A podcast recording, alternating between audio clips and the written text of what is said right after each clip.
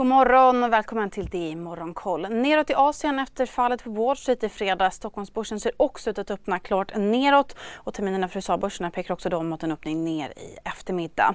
Och vi börjar med nedgången på Wall Street i fredags eh, efter Fed-chefen John Powells oväntat högaktiga tal i Jackson Hole där han poängterade att det kommer ta tid och troligtvis bli smärtsamt att få ner inflationen.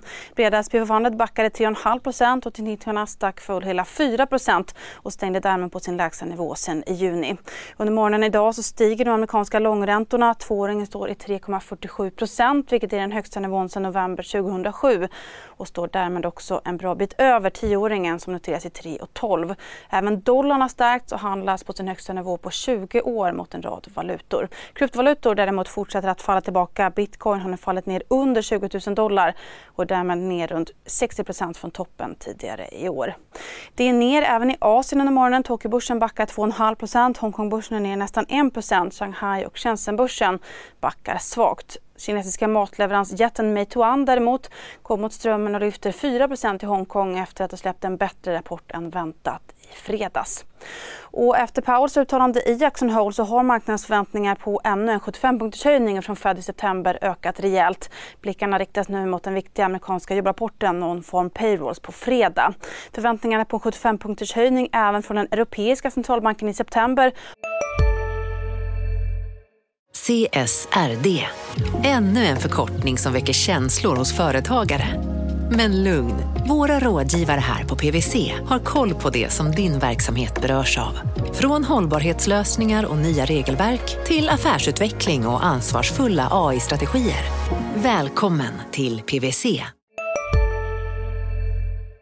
har också ökat, inte minst efter att ECB-ledamoten Isabel Schnabel i helgen varnade för att centralbanker måste agera kraftfullt för att bekämpa inflationen även om det riskerar att tippa ekonomin ner i en recession. Och de anställda vid Essitys toalettpappersfabrik i Nya Zeeland har gått ut i strejk som bemötts med lockout efter att förhandlingarna med arbetsgivaren om nya löner strandat. Fabriken har en årskapacitet på cirka 60 000 ton vilket motsvarar cirka 1 av Essitys årliga kapacitet. Och här hemma i Sverige så varnar idag byggföretagen i en ny rapport för att 160 000 jobb riskerar att försvinna 2023 om Cementa tvingas stänga på Gotland. Utöver de direkta effekterna på byggsektorn så skulle ett stopp även påverka till exempel gruvnäringen och innebära ett produktionsbortfall på 140 miljarder kronor 2023 vilket motsvarar 2,6 procent av Sveriges BNP enligt organisationen. Och strålterapibolaget Elektas VD Gustav Salford passade på att tanka aktier i bolaget efter rapportfallet. Salford köpte ytterligare 20 000 aktier för runt 1,2 miljoner kronor i fredags. Även en schweizisk styrelseledamot har fyllt på med aktier för drygt 510 000 kronor. Rapporten som släpptes i torsdags var ju en besvikelse för marknaden och aktien handlas nu på sin lägsta nivå på sex år. Idag så får vi ytterligare några rapporter ifrån Candle Scandinavia, Nilar och Research bland annat. Research som ju sköt upp sin rapport i förra veckan.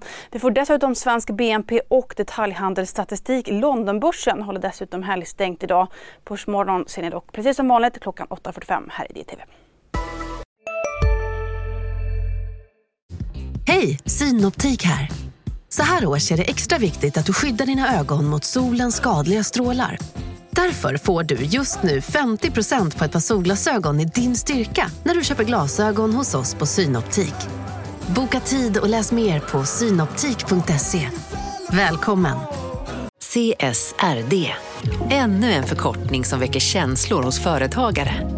Men lugn, våra rådgivare här på PWC har koll på det som din verksamhet berörs av.